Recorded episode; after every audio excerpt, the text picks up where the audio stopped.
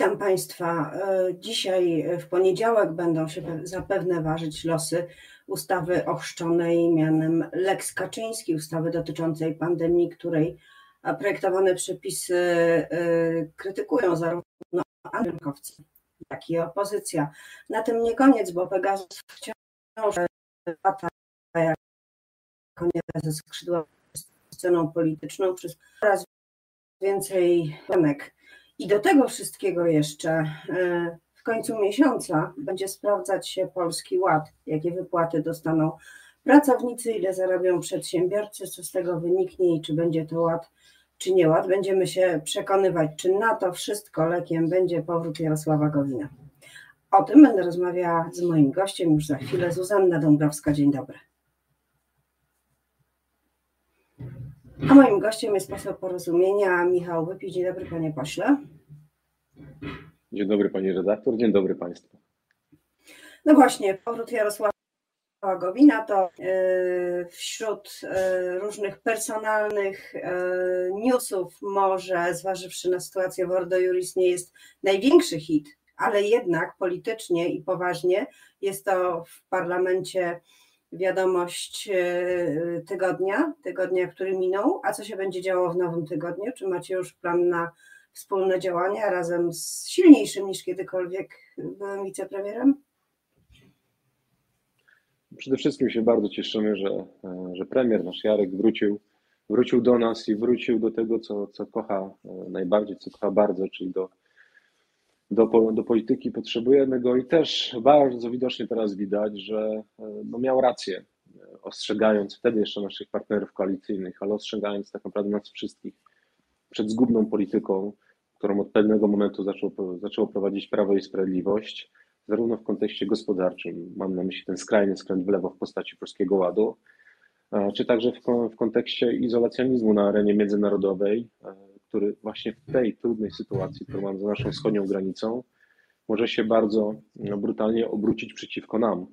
Zatem cieszę się, że, że szef wrócił, że jest, z nami, że jest z nami prezes i będziemy ciężko pracować. I we wstępie pani redaktor powiedziała o kilku kwestiach, nad którymi się pochylamy i których mamy świadomość. Mam na myśli oczywiście Polski Ład, który będzie kontynuował ten proces destrukcji, i, a przede wszystkim chaosu, polskim systemie podatkowym i niepewności w tej dosyć trudnej sytuacji, tego poczucia niepewności, z którym musi się zmierzyć każda polska rodzina. Także myślę, że tych wyzwań jest naprawdę całkiem sporo. No i cały czas musimy pamiętać o tym, że e, musimy mobilizować e, czy budować presję na największej partii, na partii rządzącej, po to, żeby poważnie potraktowała kwestię e, walki o życie i zdrowie Polaków, a się oczywiście walkę z pandemią.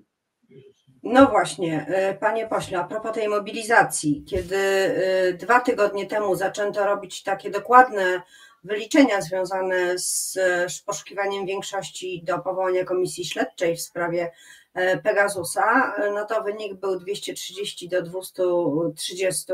Rozumiem, że policzono także osoby nieobecne z różnych przyczyn, także, także zdrowotnych. Także razem daje to 460. Sam powrót Jarosława Gowina sytuacji nie zmienia, ale no właśnie, czy zmienia ją e, w perspektywie budowania nowego centrum, o którym od już długiego czasu mówi Władysław Kosiniak-Kamysz, centrum, o którym mówi Paweł Kukiz, złożył deklarację, że będzie współpracował z porozumieniem z Jarosławem Gowinem. Czy wy policzyliście, ile z różnych e, stron politycznych jest koło Polskie Sprawy chociażby, możecie pozbierać szabel dla zbudowania takiego ośrodka w Sejmie e, centroprawicowego, tak chyba by, by on się sytuował. Faktycznie, bo, bo słowo centrum się bardziej kojarzy z centrum handlowym niż z poważną ofertą polityczną, a de facto należy zbudować poważną ofertę polityczną i odpowiedzieć na pytanie, jaka będzie Polska po pandemii. Odpowiedzieć na pytanie, jakie są aspiracje młodych Polaków którzy jeszcze nie mieli prawa wyborczego, gdy Prawo i Sprawiedliwość przejmowało władzę. I zapytać się generalnie o kondycję e, naszej części świata w zmieniającym się świecie, także wobec narastających zagrożeń ze wschodu. Także budując zupełnie nowy blok czy nowe środowisko, ja myślę, że tak naprawdę powinniśmy szukać ludzi z zewnątrz, zupełnie nowej energii, nowych osób, tak, takich, którzy nie są przeżarci tą partyjną polityką i kiedy, zwłaszcza tych, którzy cechują się silnym charakterem, mając do wyboru dobro swojego układu politycznego albo dobro kraju, dobro Rzeczypospolitej, wybiorą zawsze to drugie, dobro Rzeczypospolitej i dobro Panie kraju. ale, Myślę, że takich ludzi ale jest sytuacja tu i teraz. Polskim Sejmem. Macie sytuacji przed sobą głosowania jest- ważne, chociażby w sprawie e, teraz- kolejnego przedłożenia pandemicznego i Pegasusa. Kto będzie głosował? E, Czy to środowisko jest jakoś już zarysowane w Sejmie? W sytuacji tu i teraz mamy pad, dokładnie 430 do 430. Oczywiście słyszymy o zapowiedziach chociażby pana posła Ardanowskiego, które średnio wierzę, przyznam się szczerze, no ale zawsze wa- warto to badać, bo myślę, że każdy, kto stanie przed wyborem przyzwoitość czy wierność układowi politycznemu, e, to powinien zagłosować za, za tą komisją. To ja nie mam najmniejszych wątpliwości. Jeżeli Prawo i Sprawiedliwość nie chce tej komisji śledczej, to znaczy, że ma coś na sumieniu, chce coś ukryć. To jest jasne i oczywiste.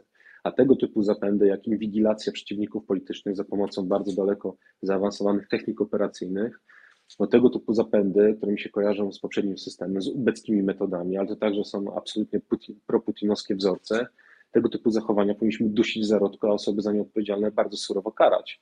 Więc jeżeli nie teraz, na pewno tę sprawę wyjaśnimy i winnych odpowiednio ukażemy. To nie mam najmniejszych wątpliwości, ale ten test na przyzwoitość na dzisiaj wygląda, że, że mamy remis, także mam nadzieję, że będzie można apelować do poważnych ludzi w Prawie Sprawiedliwości, a jest takich wielu, o to, żeby ten trudny test na przyzwoitość zdali, bo powinniśmy tę sprawę absolutnie dogłębnie wyjaśnić, ale też e, odpowiadając na pyta, pytanie pani redaktor, no też nie jestem naiwny.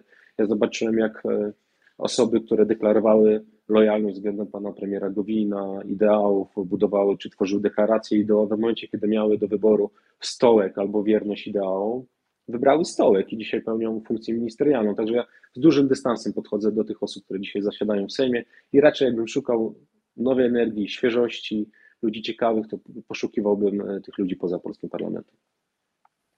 No dobrze, ale ja z uporem wracam do głosowań. E, Pegasus rzeczywiście 230 do 230, ale dzisiaj po południu ma się odbyć Komisja Zdrowia, która będzie przerabiała kolejny projekt ustawy dotyczącej e, przeciwdziałania pandemii. E, To jest projekt zgłoszony przez właściwie samego Jarosława Kaczyńskiego. E, Nawet e, tak zwana frakcja lekarska wpis e, łapie dystans do, do, do tego projektu i nie może się nadziwić, co też to powstało na Nowogrodzkiej.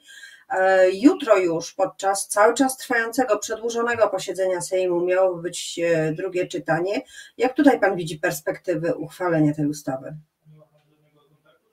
Znaczy przede wszystkim jest sama e, nazwa tej ustawy, którą pani redaktor zaproponowała we wstępie, Lex Kaczyński niewiele o tej ustawie mówi. Dużo więcej o tej ustawie mówi nazwa Lex Confident i ona jest zdecydowanie zgodna z ideą tej ustawy, bo zamiast walczyć z koronawirusem, większość rządowa postanowiła napuścić Polaków na Polaków de facto. Zamiast słuchać mądrych ludzi Ale lekarzy, co? Co to daje, panie pośle? Panie pośle, co to daje? Efekt walki z, jeżeli chodzi o efekt walki z koronawirusem, oczywiście nic. Absolutnie nic. Tam nie ma jakichkolwiek działań, które byłyby zgodne z rekomendacją lekarzy czy specjalistów, którzy wiedzą, czym jest, czym jest ten wirus i jaki on jest groźny, zwłaszcza w tej nowej odmianie. Także przyznam się szczerze, jest jakieś działanie wyglądające na działanie na alibi, na zasadzie, że a jednak coś robimy, no ale w tym wypadku trzeba przyznać, że rząd nie robi nic, a na pewno nie robi nic, nic co byłoby skuteczne, zwłaszcza, że Jesteśmy u progu najgroźniejszego wariantu, który jest najbardziej zaraźliwy. Mamy słabego ministra zdrowia, który nie jest w stanie narzucić jakiejkolwiek koncepcji walki z koronawirusem. Mamy słabego premiera, który jest zdominowany, czy w jakimś stopniu zaszachowany przez grupę antyszczepionkowców nieuków. I mamy sytuację, w, w której minęliśmy, czy przeszliśmy tą granicę 100 tysięcy zgonów na COVID, co jest jedno z najwyższych e, liczb mm, e, na świecie. Także no, sytuacja jest, powiem szczerze, fatalna i też pokazuje pewien imposybilizm tej ekipy i to, że wywiesili białą flagę i co najgorsze, moim zdaniem, liczyli ilość zgonów słupki poparcia. No tak, ale y, mamy znowu konkretny projekt, y, drogę legislacyjną, która została znowu narysowana bardzo szybkim ołówkiem. E, Dzień po dniu, w czwartek projekt się pojawił, w poniedziałek komisja, we wtorek drugie czytanie. Czy ma szansę? Bo z tego, co słychać i widać y, w obozie Prawa i Sprawiedliwości, no, nie ma e, powszechnego zachwytu nad tym e, projektem. Solidarna Polska mówi, że w ogóle nic nie wiedziała o tym projekcie, nikt z nią nie konsultował.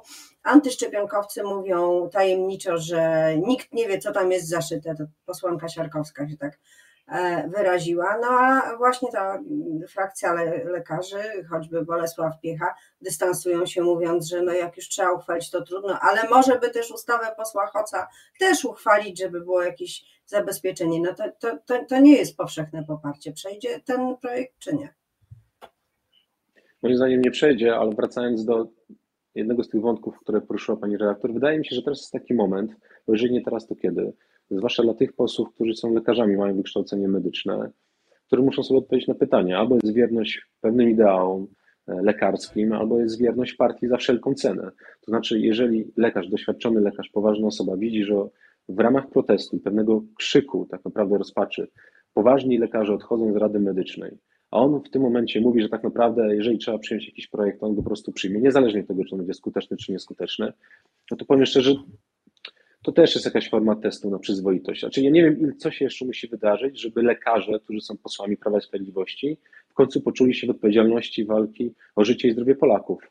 E, także jestem zaskoczony co najmniej tą wypowiedzią, którą przed chwilą pani przywołała, pana posła Piechy. Jeżeli w takim razie, tak jak Pan mówi, y, nie jest pewne, czy, czy ten projekt przejdzie, to czy y, można liczyć na to, że Sejm powróci do projektu posła Hoca, o, y, który dotyczy przede wszystkim testowania, ale w którym jednak pojawia się termin paszporty covidowe?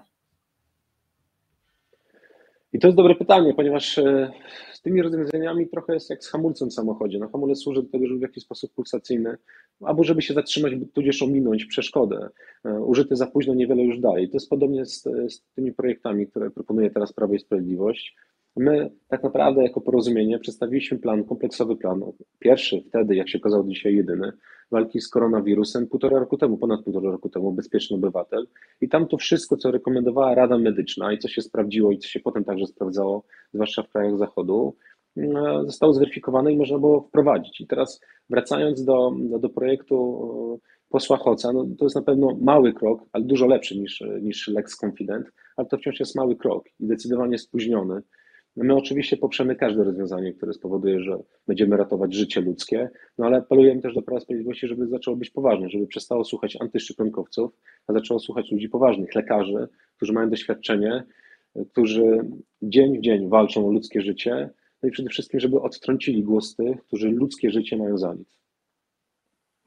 No dobrze, to przejdźmy teraz na, w ostatniej części naszej rozmowy do tego, co y, tygrysy zajmujące się gospodarką lubią najbardziej, czyli do Polskiego Ładu.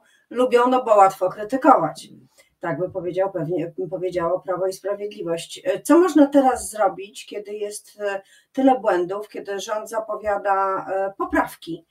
zapowiada, są nowe ustawy, które mają ten polski ład troszkę wyprostować. Nie wiadomo jeszcze do końca, jak e, wyjdzie styczeń w wypłatach, zyskach, ulgach i wszystkich innych e, wskaźnikach. Co robić? Najprostsze rozwiązanie z możliwych. Polski ład do kosza. Zostaje kwota wolna i waloryzacja drugiego progu. Cała reszta się do niczego nie nadaje. Mówiliśmy o tym Prawo i Sprawiedliwości jeszcze kiedy byliśmy w rządzie i negocjowaliśmy, zapowiedzieliśmy blokadę po prostu Polskiego Ładu. Zresztą te dwa postulaty, waloryzacja drugiego progu i kwota wyższa od podatku, to były nasze postulaty, nie Prawa i Sprawiedliwości. Także generalnie postulaty Prawa i Sprawiedliwości dotyczące gospodarki do kosza na śmieci, powrócić do tego, co było z tymi dwoma wyłączeniami i jakoś spróbujemy uratować obecną sytuację, ponieważ postępujący chaos przede wszystkim wprowadzi niepewność. Niepewność e, w milionach polskich rodzin, no i, i, i, trzeba też spojrzeć prawdzie w oczy. Prawo i Sprawiedliwość zawiodło, ale też oszukało swoich wyborców, ponieważ w każdym programie, który tworzyliśmy wspólnie od 2014 roku, mieliśmy zapisane bardzo wyraźnie, że będziemy dążyć do tego, żeby system podatkowy był prosty, przejrzysty i uczciwy. To, co zostało teraz zaproponowane, jest skrajną niesprawiedliwością, jest de facto socjalistycznym pomysłem, no i lewicowym skrajnym skrętem w lewo, dlatego też nie dziwi poparcie wielu tych elementów przez na przykład partię Razem. Także myślę, że to powinno dać do myślenia mm, chociażby niektórym politykom Prawa Sprawiedliwości. Tak czy inaczej Polski Ład do kosza dostaje kwota wolna i waloryzacja drugiego progu. No tak, ale jeśli szukać rozwiązań socjalistycznych, to pan wpycha razem w ramiona Prawa i Sprawiedliwości, to jednak należałoby zrobić wiele progów podatkowych, tak jak jest to w takich socjaldemokratycznych systemach podatkowych w Szwecji czy we Francji. Wtedy bogaci płacą więcej, płacą najmniej procentowo e, do dochodów e, i to można by powiedzieć, że jest coś w rodzaju transferu socjalnego, a rozumiem, że na tym PiSowi zależało. Dlaczego PiS nie zrobił po prostu reformy podatkowej, chcąc trochę zmienić strumień pieniędzy, tak jak to robił przy 500, tylko poszedł w program, który jest, no dzisiaj byśmy powiedzieli, hybrydowy. Czyli właściwie nie wiadomo, czy to jest obniżka podatków, czy to jest podwyżka podatków, czy jakiego rodzaju w ogóle jest to, e, jest to plan, czy on ma na celu redystrybucję, czy transfer, czy zwiększenie przychodów jest... do budżetu państwa. O, i to jest, i to jest klucz. Zresztą bardzo mm, wyraźnie nam powiedział o tym minister Patkowski podczas rozmowy tak zwanej ostatniej szansy, jak to nazwał.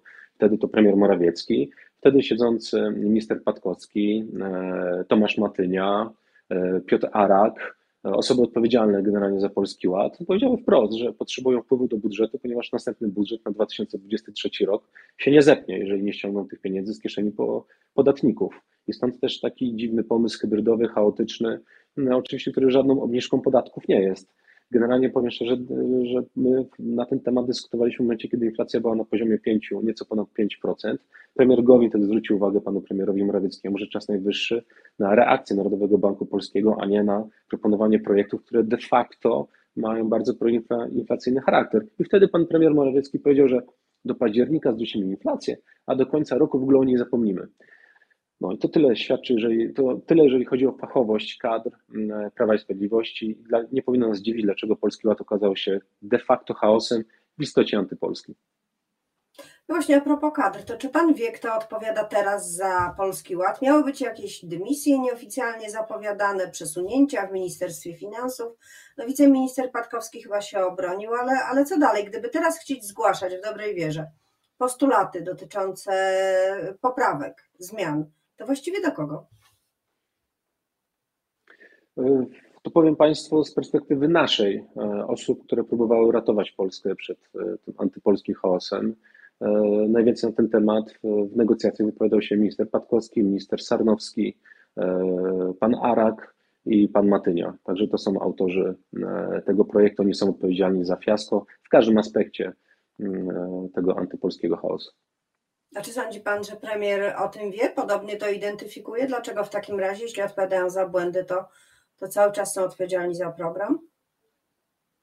Znaczy, osobą, która nadzorowała ich pracę, był pan premier Morawiecki, także nie wymieniając pana premiera Morawieckiego, być może, mm, e, a czy być może powinienem wymienić właśnie premiera Morawieckiego jako pier, pierwszą osobę odpowiedzialną za, za wprowadzenie, za determinację w wprowadzeniu E, tego programu. Pragnę tylko przypomnieć, że w sytuacji, w której my poinformowaliśmy bardzo wyraźnie, że nie poprzemy tej podwyżki podatków, drastycznej podwyżki podatku i chaosu, który, który także postępował wraz z wprowadzeniem tych przepisów, pan premier Morawiecki i jego grupa przystąpiła do rozbicia mojego środowiska politycznego. Także jakbym miał szukać winnych, to przede wszystkim faktycznie zacząłbym od premiera Morawieckiego.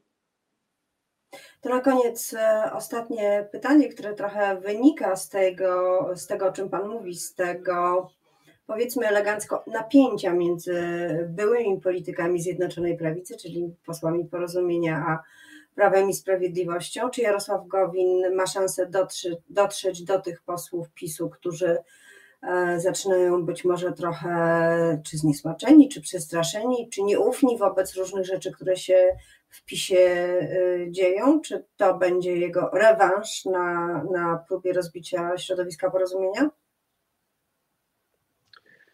Ciekawym zjawiskiem było to, że gdy sprzeciwiliśmy się wyborom kopertowym, to część posłów PiSu kolorowo trzymała nas kciuki i prosiła, żebyśmy wytrzymali. Gdy sprzeciwiliśmy się wetu e, budżetu europejskiego i premier Gowin mm, poleciał wtedy do Brukseli ratować sytuację, część posłów PiSu też mocno trzymała nas kciuki i prosiła, żebyśmy wytrzymali. Podobnie było z Polskim Ładem. Nie wiem, w czym tkwi siła PiSu, że ci posłowie się boją tak naprawdę. Być może odpowiedzią jest to ten cytat, który przywoła Pani w kontekście Pana posła Piechy. Ale mam takie wrażenie, że mm, Jarosław Gowin miał rację, jest politykiem wiarygodnym i przede wszystkim w tym ważnym, kluczowym momencie wiedział, gdzie jest dobro kraju, dobro Rzeczypospolitej i myślę, że taka osoba może być mm, faktycznie ośrodkiem, który będzie przyciągał tych, którzy czują się mocno zawiedzeni. Mam na myśli nie tylko wyborców, którzy mają prawo czuć się zawiedzeni, czym stało się Prawo i Sprawiedliwość i Zjednoczona Prawica, ale także myślę, że polityków PiSu, którzy dostrzegają, że no coś poszło nie tak, miało być zupełnie inaczej i myślę, że oni także będą szukać pewnego azymutu i pewnej, pewne, pewnego pomysłu na przyszłość. Także myślę, że nasze środowisko jest, e, może być dla nich zdecydowanie e, ciekawym obiektem zainteresowania. No i tak jak zwykle myślą wyborcy, miało być wspaniale, wyszło jak zwykle. Zobaczymy, co z tego wyniknie dalej. Bardzo dziękuję za rozmowę, panie pośle. Poseł porozumienia. Dziękuję bardzo, dużo zdrowia życzę. Życzenia.